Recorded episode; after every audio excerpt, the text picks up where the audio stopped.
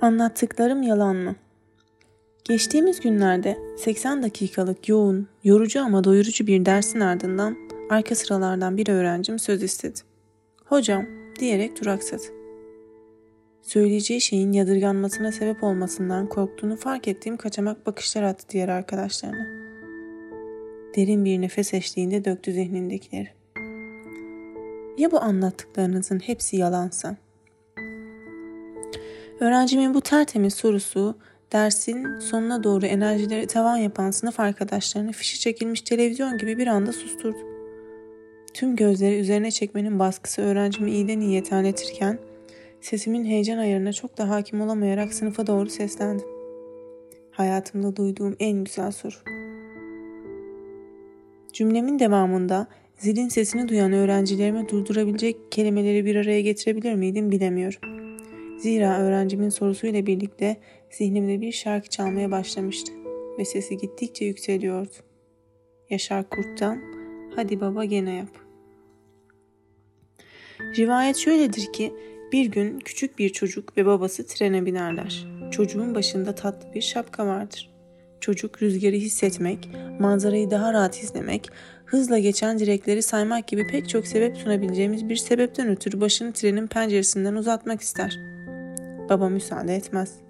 Olmaz oğlum, rüzgar şapkanı uçurur der. Çocuk inattır, her çocuk gibi. Tekrar yükselir ayak parmaklarının üzerine, bakmak ister pencereden. Baba yine durdurur çocuğu. Çocuk kaşlarını çatma, çatmaya başlar. Başını inatla pencereden uzatır. O sırada baba bir punduna getirip çocuğun şapkasını alır. Arkasına saklar. Bak dedim ben sana. Rüzgar uçurdu şapkanı diyerek haklı çıkmanın zaferini sürmek ister.'' Zaferin tadı kısa sürer. Zira çocuk deli gibi ağlamaya başlar.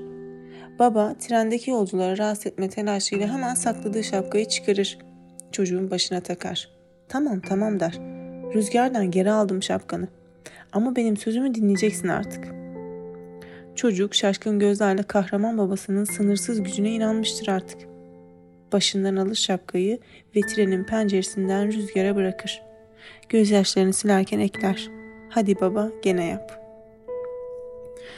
Yaşar Kurt'un bu hikayeden esinlenerek yazdığını ve bestelediğini iddia edilen şarkısıdır Hadi Baba Gene Yap. Şarkının sözleri umut verici olsa da benim için altyapısındaki ortaya çıkış hikayesi çok düşündürücüdür.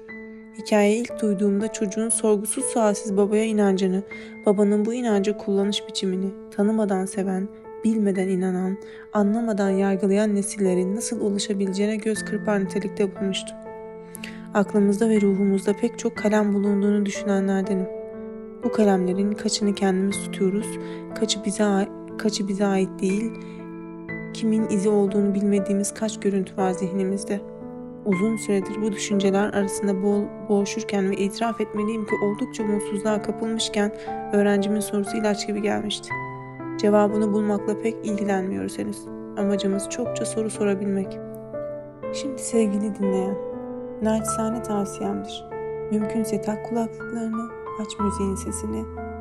Hadi baba gene yap, gene yap baba gene yap. Ve düşün.